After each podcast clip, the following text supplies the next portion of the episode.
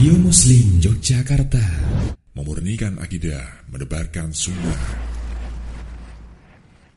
Innal hamdalillah nahmaduhu wa nasta'inuhu wa nastaghfiruh wa na'udzu billahi min shururi anfusina. Wa min sayyiati a'malina may yahdihillahu fala mudilla lahu wa may yudlil fala hadiyalah wa asyhadu an la ilaha illallah wahdahu la syarika lah wa asyhadu anna muhammadan abduhu wa rasuluhu sallallahu alaihi wa ala alihi wa sahbihi wa sallam ba'd. Kaum muslimin rahimani wa rahimakumullah mulai kesempatan malam hari ini setiap malam Kamis kita akan mengkaji satu risalah yang uh, yang penting satu risalah yang bagus yang berjudul Al-Wasail Al-Mufidah lil Hayati Sa'idah yang artinya adalah sarana-sarana yang efektif untuk mewujudkan hidup bahagia karya Syekh Abdurrahman Ibn Nasir As-Sa'di rahimallahu taala dengan mengacu dengan uh, mengacu dari mengacu dengan Sarah Wasail Mufidah lil Hayati Sa'idah karya Yusuf Ibn Uthman Al-Huzaim. Hafizahullahu taala. Kita langsung pada uh, mukaddimah di halaman yang ke-11 yang disampaikan oleh penulis sarah. ya, maka beliau sampaikan tentang uh, dampak negatif orang yang sibuk dengan galaunya.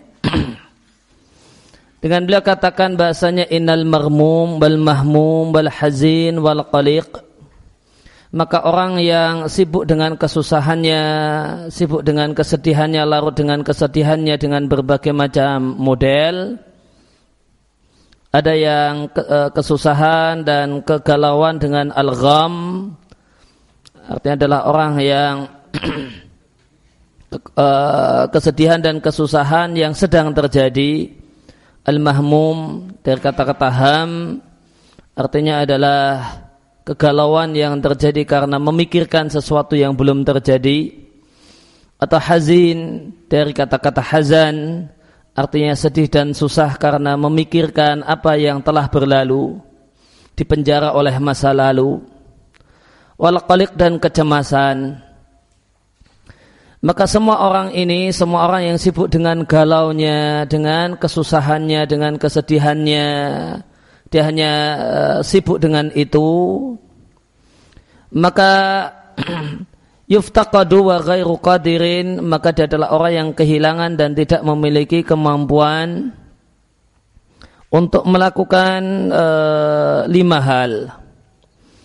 Yang pertama adalah al-ata berperan untuk orang-orang di sekelilingnya atau beraktivitas. Maka dia tidak bisa berperan tidak bisa beraktivitas. Kenapa? Karena dia sibuk dengan apa yang jadi pikirannya. Ya, mutasyatitatul dhihni, pikirannya pecah ke mana-mana. Ya, dihantui kesusahan hidupnya.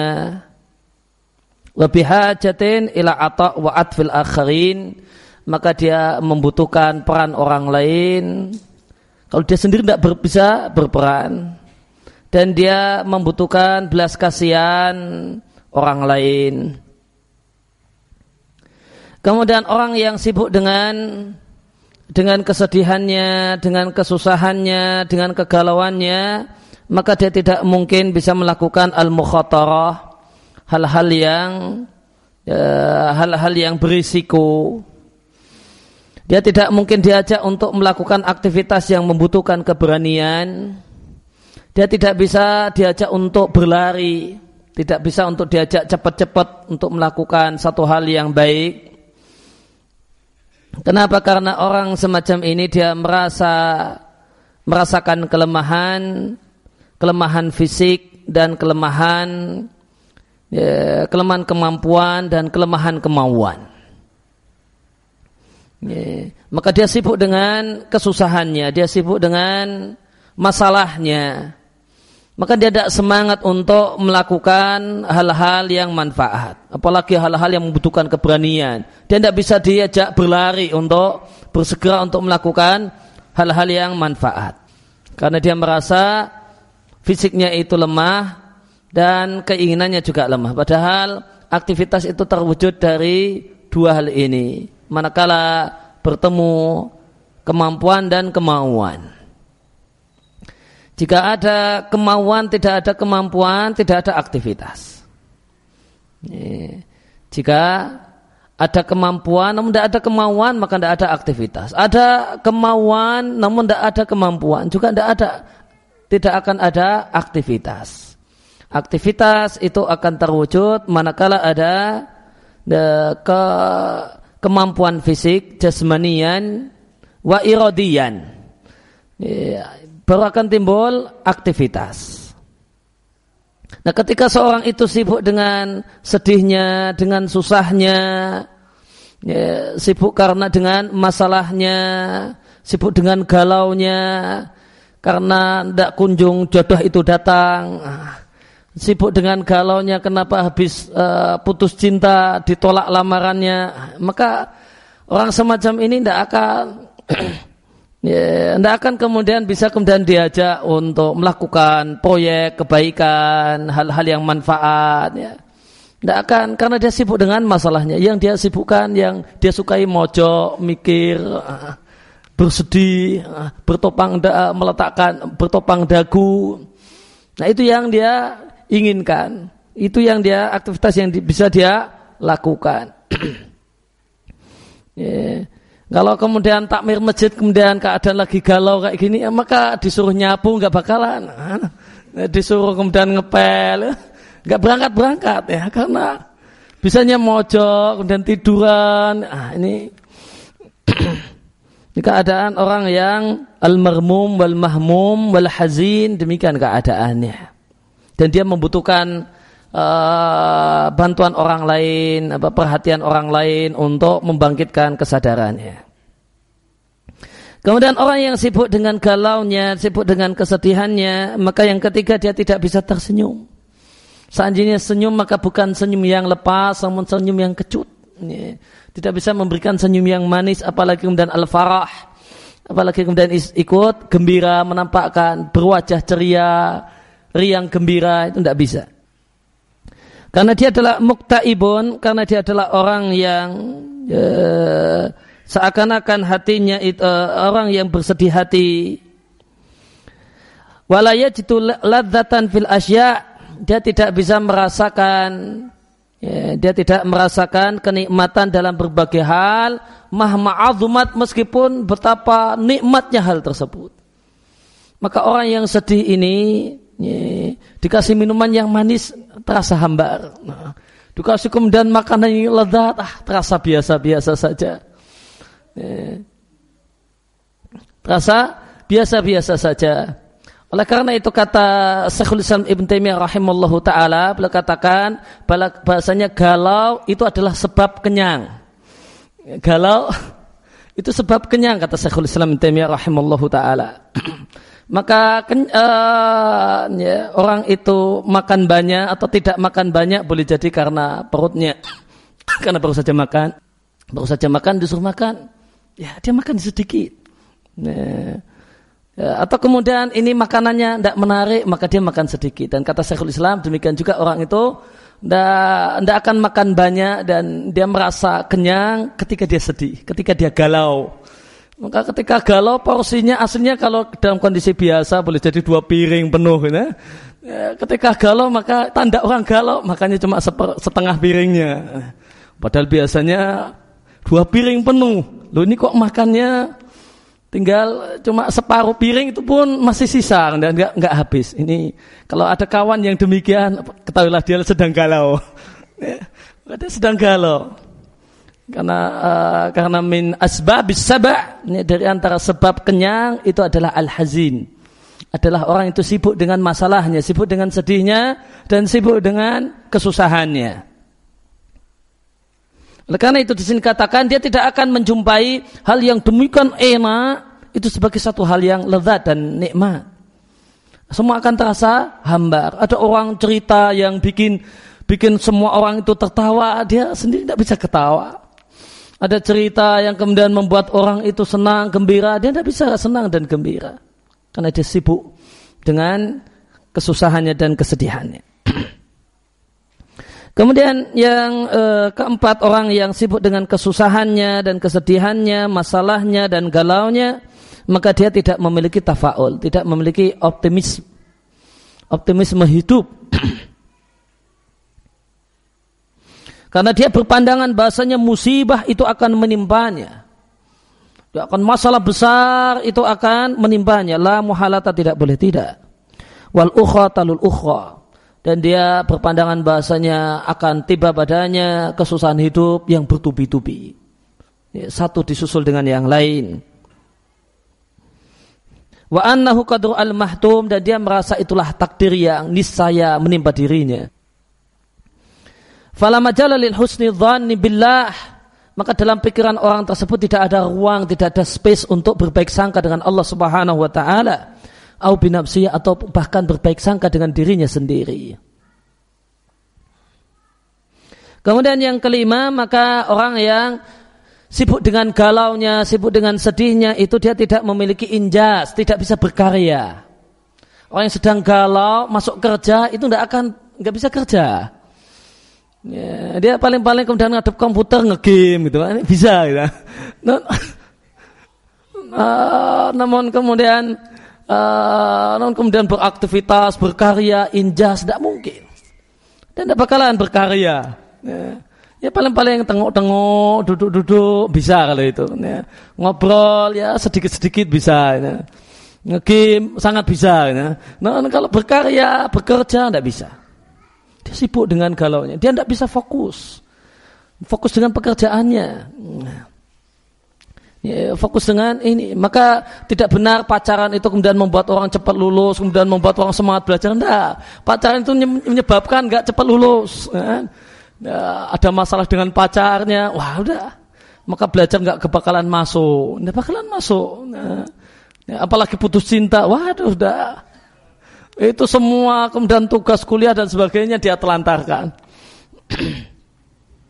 Maka dia tidak jadi pemacu namun jadi penghambat.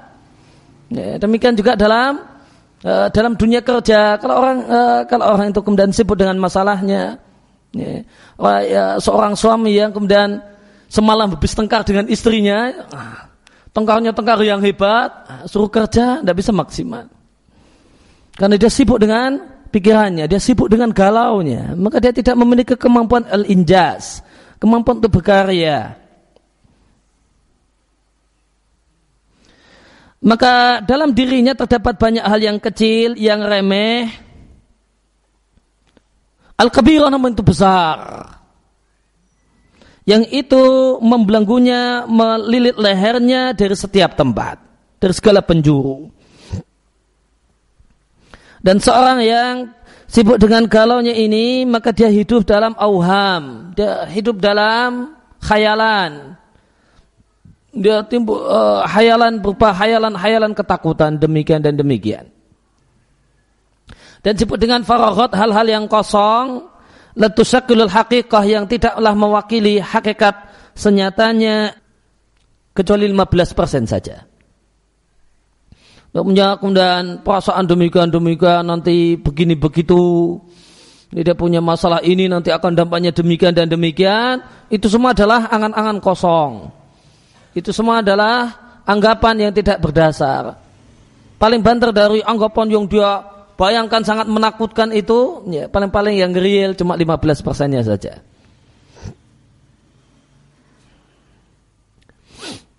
Kemudian ada kutipan perkataan Al-Adib seorang sastrawan Arab yang terkenal, sastrawan Arab besar ya, bernama Mustafa Sadiq Ar-Rafi'i, sastrawan Mesir. Beliau mengatakan ahamu asab asbabil fashal wa syaqawah hiya thalatha.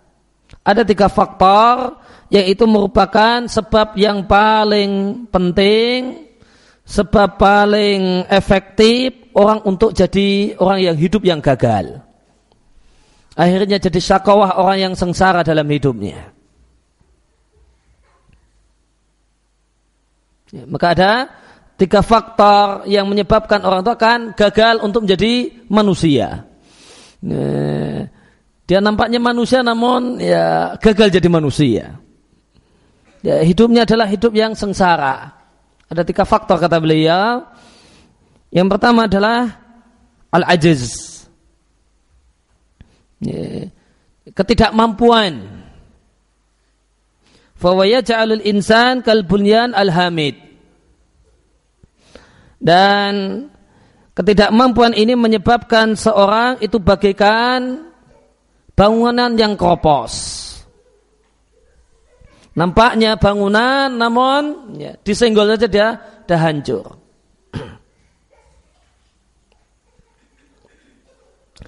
Yang namanya ajas ketidakmampuan ini, ini uh, ajas itu ada dua macam. Yang pertama adalah dia belum mencoba namun dia sudah merasa kalah. Saya nggak bisa. Wah kayak gitu nggak bisa. Ya, tidak mungkin saya melakukannya. Wah, itu bukan uh, bukan bidang saya. Nah, dia sudah menyerah sebelum bertanding. Aja jenis yang kedua adalah orang yang sudah berani mencoba, non paling paling paling banter cuma sekali. Setelah itu dia meras, mengatakan saya tidak bisa. Saya tidak bisa. Dan tidak mau kemudian uh, ini penyakit jiwa di mana dia tidak mau tidak mau untuk mencoba yang kedua, yang ketiga, yang jadi petarung untuk kemudian bolak-balik gagal dia tidak bisa. Ya begitu kemudian uh, eh, TA yang dan dibanting sama dosanya aja sudahlah.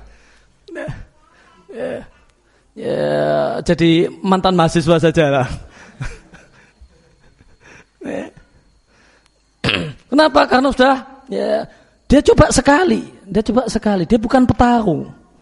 Dia bukan petarung. Dia cuma beraninya sekali. Habis itu dia mengatakan dirinya tidak mampu. Saya tidak bakalan bisa. Itu ajis. Itu ajis. Dan dua-duanya tentu uh, dua-duanya adalah sifat uh, keadaan jiwa yang jelek. Hmm. Karena karena ya keadaan jiwa yang baik orang itu menjadi seorang petarung. Jangan kemudian menyerah sebelum mencoba. Mencoba sekali juga jangan uh, kemudian putus harapan. Coba lagi. Jika itu memang manfaat, jika itu memang satu hal yang manfaat, kenapa saya tidak coba dua kali, kemudian kali yang ketiga, kemudian kali yang keempat, kali yang kelima, sampai sepuluh kali boleh jadi. Hmm. Baru setelah kemudian bolak-balik mencoba dan mencoba mencoba, ah, baru kemudian wah ini memang lah, memang saya tidak di sini. Ya. Maka ya, maka jika kita lihat ke realita benar apa yang dikatakan oleh beliau rahimallahu taala. Bahasanya ajiz itu sebab gagalnya hidup. Ya, sebab gagal. Sebab kegagalan hidup, ketidaksuksesan dalam hidup itu adalah al-ajiz dengan dua jenisnya.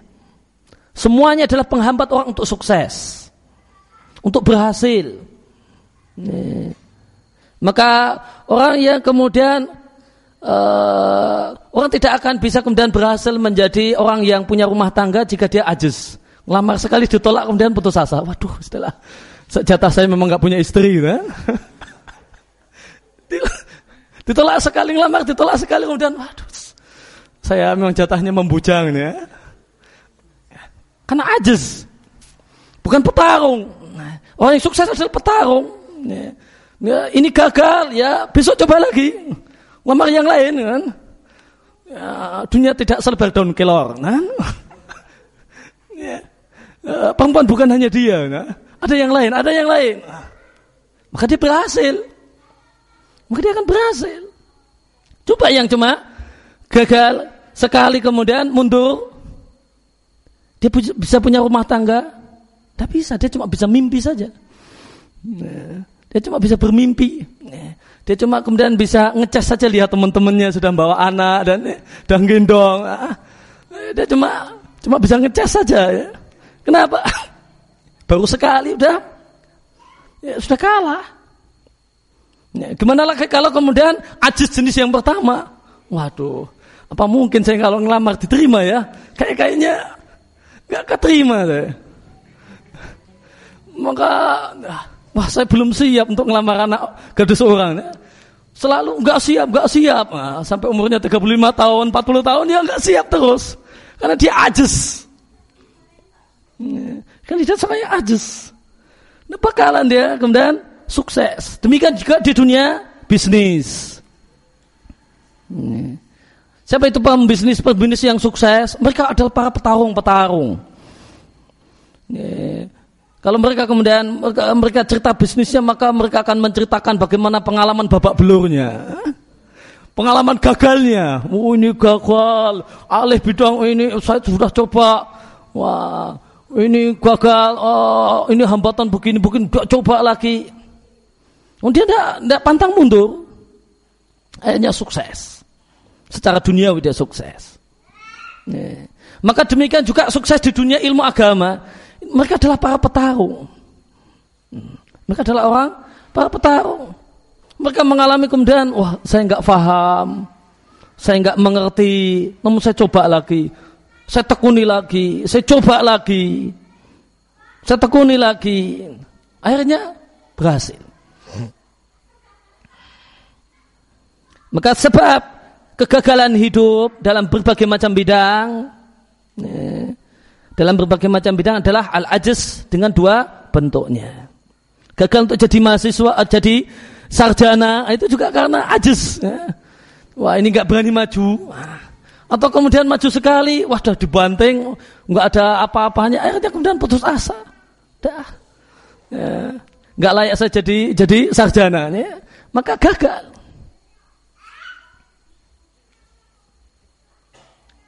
Kemudian yang kedua kata beliau rahimallahu taala, dhaful himmah.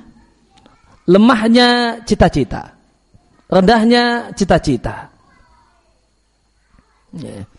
Kalau kemudian di dunia belajar, wah saya nilai lima saja sudah syukur, alhamdulillah. Nah, ya, ya sudah uh, terpaksa lulus sudah bagus lah. Nah. Ya. Maka orang semacam ini nggak akan dia kemudian mendapatkan yang wah dia tidak akan mendapatkan hal yang ulu, hal-hal yang dia tidak akan mendapatkan al-ma'ali, hal-hal yang luar biasa. Dia kalau kemudian mendapatkan sesuatu yang biasa-biasa atau bahkan terlalu biasa. Karena apa? Karena himmah, karena lemahnya cita-cita. Dan lemahnya cita-cita itu kata beliau, ya ja'alul insan kal hayawan. Menjadikan manusia itu sebagaimana binatang yang dia pikirkan ayujat kaifama wujida. Dia itu masih hidup apa pun keadaan hidupnya. Nah, yang penting masih hidup, ya. Yang penting masih hidup. Nilai jelek nggak apa-apa, ya. Duit dikit ya nggak apa-apa. Nah, bodoh ya nggak apa-apa. Nah, yang penting masih hidup. Nah, masih bisa makan, kemudian bisa ngejak, bisa kemudian memenuhi septi tank, nah, nggak masalah. Nah. Yang penting hidup, apa pun bentuk hidupnya. Apa pun bentuk hidupnya. Dia tidak punya kemudian target, dia tidak punya harapan. Yang penting pokoknya masih hidup. Ya. Bisa makan, ya, bisa tidur, ya sudah. Itu sudah membahagiakannya. Ya. Itu orang yang da'iful himmah. Ya, orang yang lemah cita-citanya. Dia cuma sebagaimana hewan, makan, minum, buang kotoran, ya, bolak-balik kayak gitu terus mati gitu aja. Maka dia cuma seperti hewan. Ya. Yang dalam bahasa Ibnul Qayyim rahimahullah ta'ala, himahnya itu adalah himah kakus. Ya. Yang dia pikirkan, yang jadi pikirannya itu cuma bisa makan dan buang kotoran, makan buang kotoran, ngebang-ngebai septi tank. Aja. Dia tidak punya kemudian uh, cita-cita, kemudian keinginan yang karena Ya, karena prinsip hidupnya adalah ayujat kaifama wujida. Ya, ya masih tetap hidup meskipun apa pun keadaannya. Gitu. Bodoh ya tidak apa-apa, kemudian ya, duit ngepas ya tidak apa-apa. Ya, pokoknya yang penting masih hidup. Kemudian yang ketiga, sebab kegagalan hidup kata beliau rahimallahu taala adalah ittirab ra'yi adalah orang yang tidak bisa mengambil keputusan. adalah orang yang tidak punya kemampuan untuk mengambil keputusan. Saya harus apa? Bingung, cuma bingung. Ayo, kemudian orangnya sudah kawannya kiri kanan sudah, ayo putuskan. Ya, tapi kan ada yang lain yang dipertimbangkan akhirnya terus tidak kemudian ada keputusan. Ya. Orangnya itirab, arai. Ya, pikirannya itu gonjang. Tidak bisa dia mengambil keputusan. Nah kalau orang itu tidak bisa mengambil keputusan, bingung dengan pilihan-pilihannya. Dia cuma sekedar bingung dan terus bingung. Dan yang dipikirkan tuh bingungnya saja. Gitu. Terus putusan akhirnya tuh apa? Enggak ada gitu. Putusan akhirnya apa? Tidak ada. Maka orang semacam ini layun sayan. Dia tidak akan bisa berkarya. Dia tidak akan bisa berbuat. Ya. Keadaan demikian menyebabkan dia tidak bisa beraktivitas, tidak bisa berkarya. Tidak ada keputusan-keputusan yang bisa diambil dalam hidupnya. Maka semua kesempatan emas itu gagal. Dan itu adalah sebab-sebab sukses mengambil kesempatan emas yang ini membutuhkan uh, keputusan yang jelas. Boleh jadi dalam waktu yang mepet. Nih, dalam waktu yang mepet harus ngasih keputusan jelas dia mikirkan terlalu panjang akhirnya kesempatan itu sudah berlalu tidak datang lagi kesempatan yang lain dan dia mikirnya juga panjang banyak pikiran akhirnya berlalu dan tidak dapat apa-apa maka dia lain jusayan tidak bisa menghasilkan karya apa pun. Tidak bisa berkarya. Wanati jatuh salah dan hasil dari tiga hal di atas. Al-ajz ketidakmampuan. Ya, kemudian ya, lemahnya cita-cita. Yang penting ya masih bisa hidup. Ini aja. Dan tidak ketidakmampuan untuk memanfaatkan peluang-peluang penting maka tiga hal ini hanya menghasilkan satu kata saja yaitu khaybah nah, yaitu e, penyesalan. Dan penyesalan masih datang di belakang.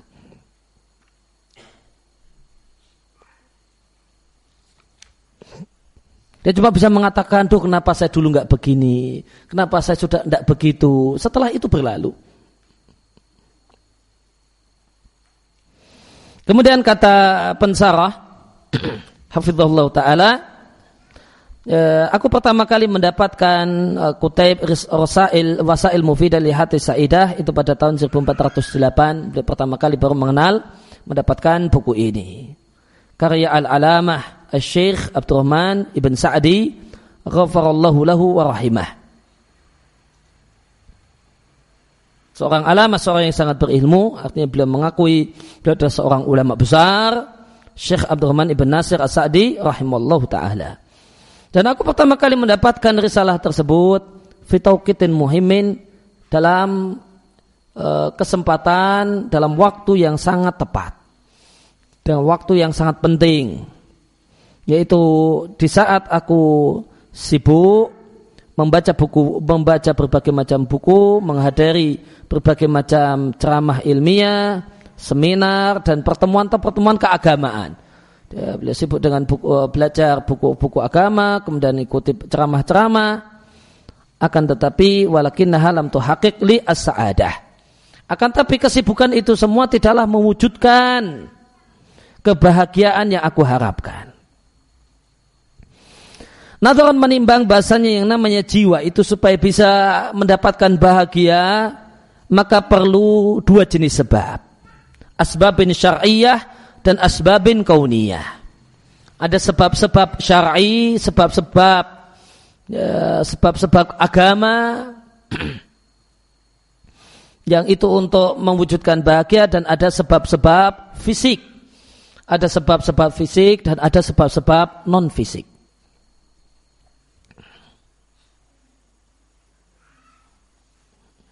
Fal asbab syariah maka sebab-sebab agama ini mendapatkan perhatian oleh yakdah Islamiyah kesadaran berislam yang secara umum berkembang pesat di zaman ini. Namun uh, perkembangan dakwah dan kesadaran berislam yang demikian gelia dakwah yang demikian hebat ini hadasa taksirun. Namun terjadilah ketidakmaksimalan dalam perhatian dengan asbab kauniyah.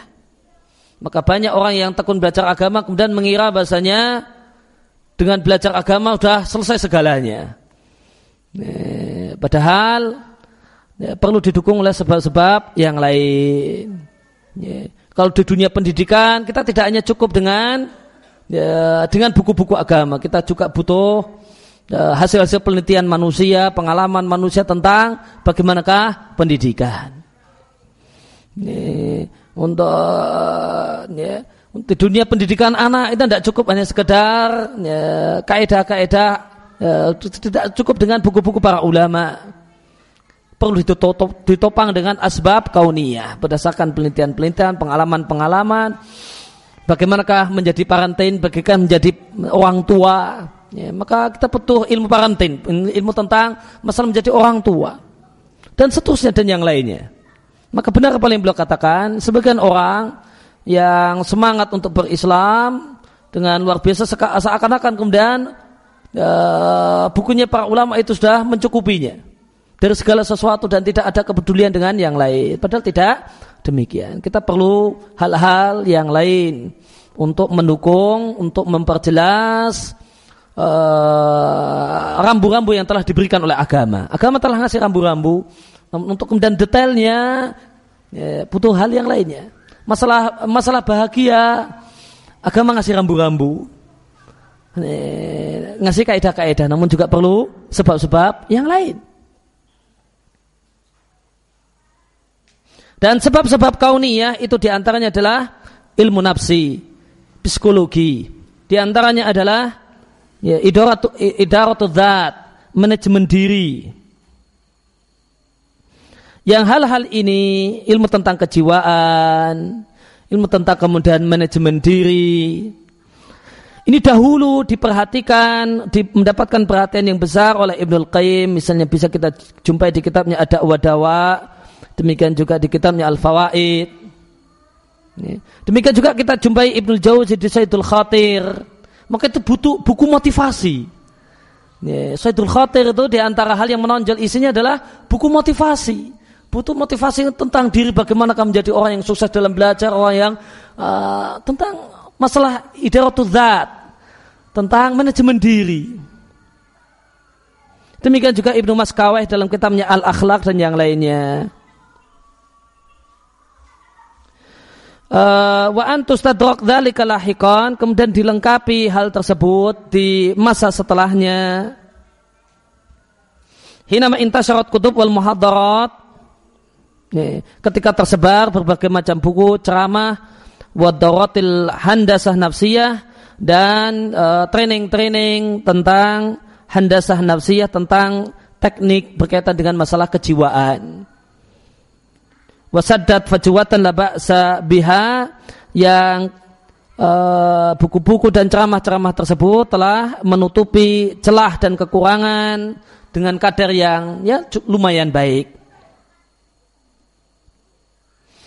Wa'aud akul dan kembali aku katakan bahasanya kutai buku tipis karya Al-Alama Ibnu Sa'di qad fatahali baba amalin wa tafaulin telah membukakan untukku pintu uh, pintu harapan dan pintu optimisme.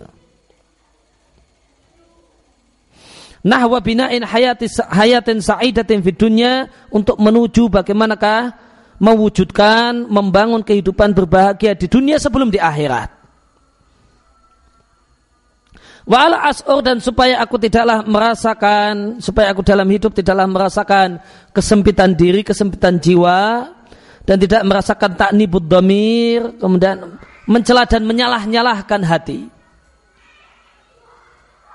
Wajal tudza dan memiliki kemudian keuletan dan kesabaran ketika aku berpikir untuk membangun dunia. Untuk membangun kehidupanku di dunia ini. Sumatala dalika kemudian dilanjutkan setelah itu.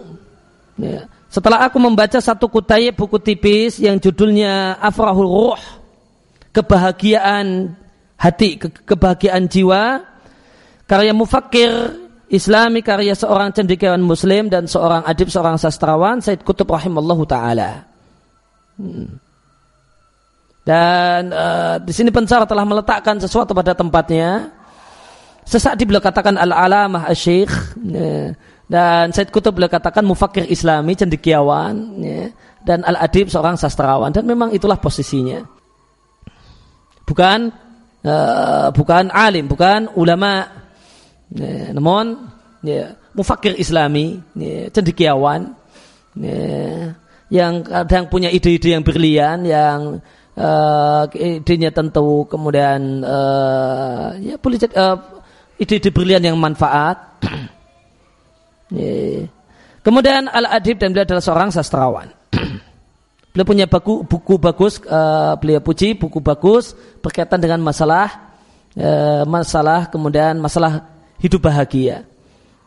Wa azaza ladai dzalika al iman dan hal tersebut dan pada saat mendapatkan dan mentelaah dua buku ini maka ini menguatkan kepercayaanku bi imaratil art untuk kemudian membangun hidup. Bahasa ini yang kita bangun bukan hanya kemudian agama namun juga ya, seorang muslim juga membangun hidupnya, membangun dunianya. Khasatan terutama ingda maqal saat Said Qutb rahimahullah taala mengatakan ya, amal mautu fawatariun maka kematian dalam dunia ini adalah sesuatu yang muncul belakangan dan bukan al asal bukan hukum asal keadaan hidup di dunia ya. Dia hanyalah mengambil kematian itu hanyalah kemudian mengambil futatil maidah. Ya, remuan uh, makanan. Maka seandainya kemudian dunia itu seperti makanan maka kematian itu adalah nasi yang terjatuh. Nasi yang terjatuh. Kehidupan tetap berjalan ya, meja makan itu tetap penuh dengan aktivitasnya dan itu dan orang yang mati adalah orang yang terjatuh uh, ya terjatuh dari uh, dari meja makan tadi. Wal aslu huwa anna la tamuta nafsun hatta tasakmila rizqaha sebagaimana sabda Nabi sallallahu alaihi wasallam dalam hadis yang diatkan oleh uh, Ibnu Majah bahasanya satu jiwa itu tidak akan merasakan kematian kecuali setelah jatah rezekinya habis. Dan seandainya seorang itu meninggal dunia dalam keadaan dia adalah tentu seorang muslim yang taat, maka dia akan menghadap Rabbur Rahim, zat yang maha penyayang. Dan kemudian beliau akan mengutip perkataan Said Qutb rahimallahu taala yang beliau nilai bagus, jamil tentang masalah menatap hidup ya, dengan baik dan jangan uh, terpenjara dengan musibah, terpenjara dengan masalah dengan galaunya yang akan kita baca di uh, pertemuan yang akan datang. Wassallallahu ala nabiyina Muhammadin wa ala alihi wasallam. Wa rutawana alhamdulillahi rabbil alamin. Subhanaka Allahumma wa bihamdika asyhadu an la ilaha illa anta astaghfiruka wa atubu ilaik.